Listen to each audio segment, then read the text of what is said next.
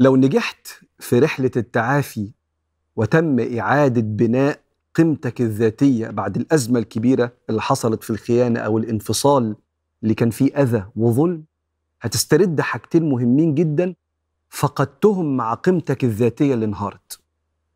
أول حاجة هتسترد العز اللي اختفى تحت طبقات كتيرة من الشك.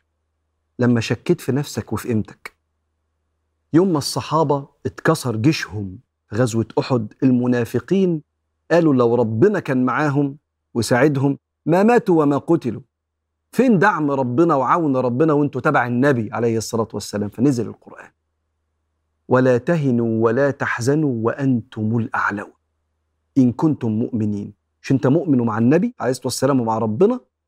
يبقى ما تزعلش الزعلة شبه الكلام ده. أنت الأعلى. ولا تهنوا ولا تحزنوا وأنتم الأعلون إن كنتم مؤمنين.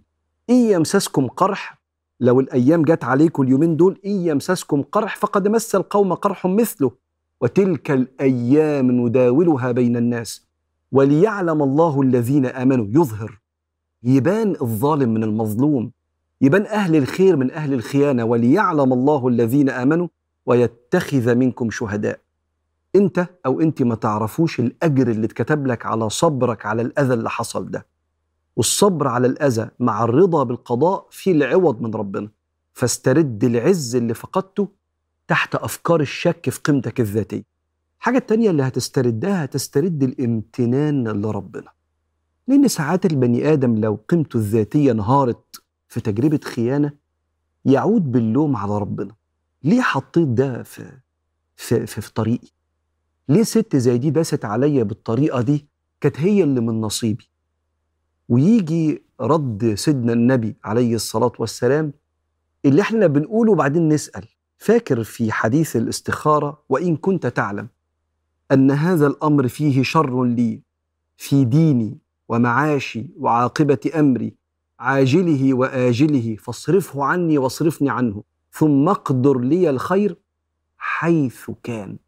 فواحد يقول لي طب أنا استخرت ودخلت في العلاقة دي واتجوزنا وانفصلنا بطريقة مزعجة جدا أو حصل خيانة ما أنا كنت استخرت. استنى أنت كنت محتاج العلاقة دي محتاج الرحلة دي. شيء معين اتركب فيك أو فيك من خلال الرحلة الصعبة دي ثم صرف الله الشر في الوقت المناسب. ناقص آخر كلمة في الحديث ثم أقدر لي الخير. جاي جاي إن شاء الله حيث كان. فاستدعي واسترد امتنانك لربنا إن رحلة حياتك ده اختيار ربنا سبحانه وتعالى. ده مش هيحصل إلا لما ترمم قيمتك الذاتية اللي ممكن تكون كانت انهارت في تجربة الخيانة أو الانفصال المزعج ده. إذا استرديت العز بعد ما كنت شاكك في قيمتك واسترديت امتنانك لربنا كمل حياتك. العوض جاي من رب العالمين بإذن الله.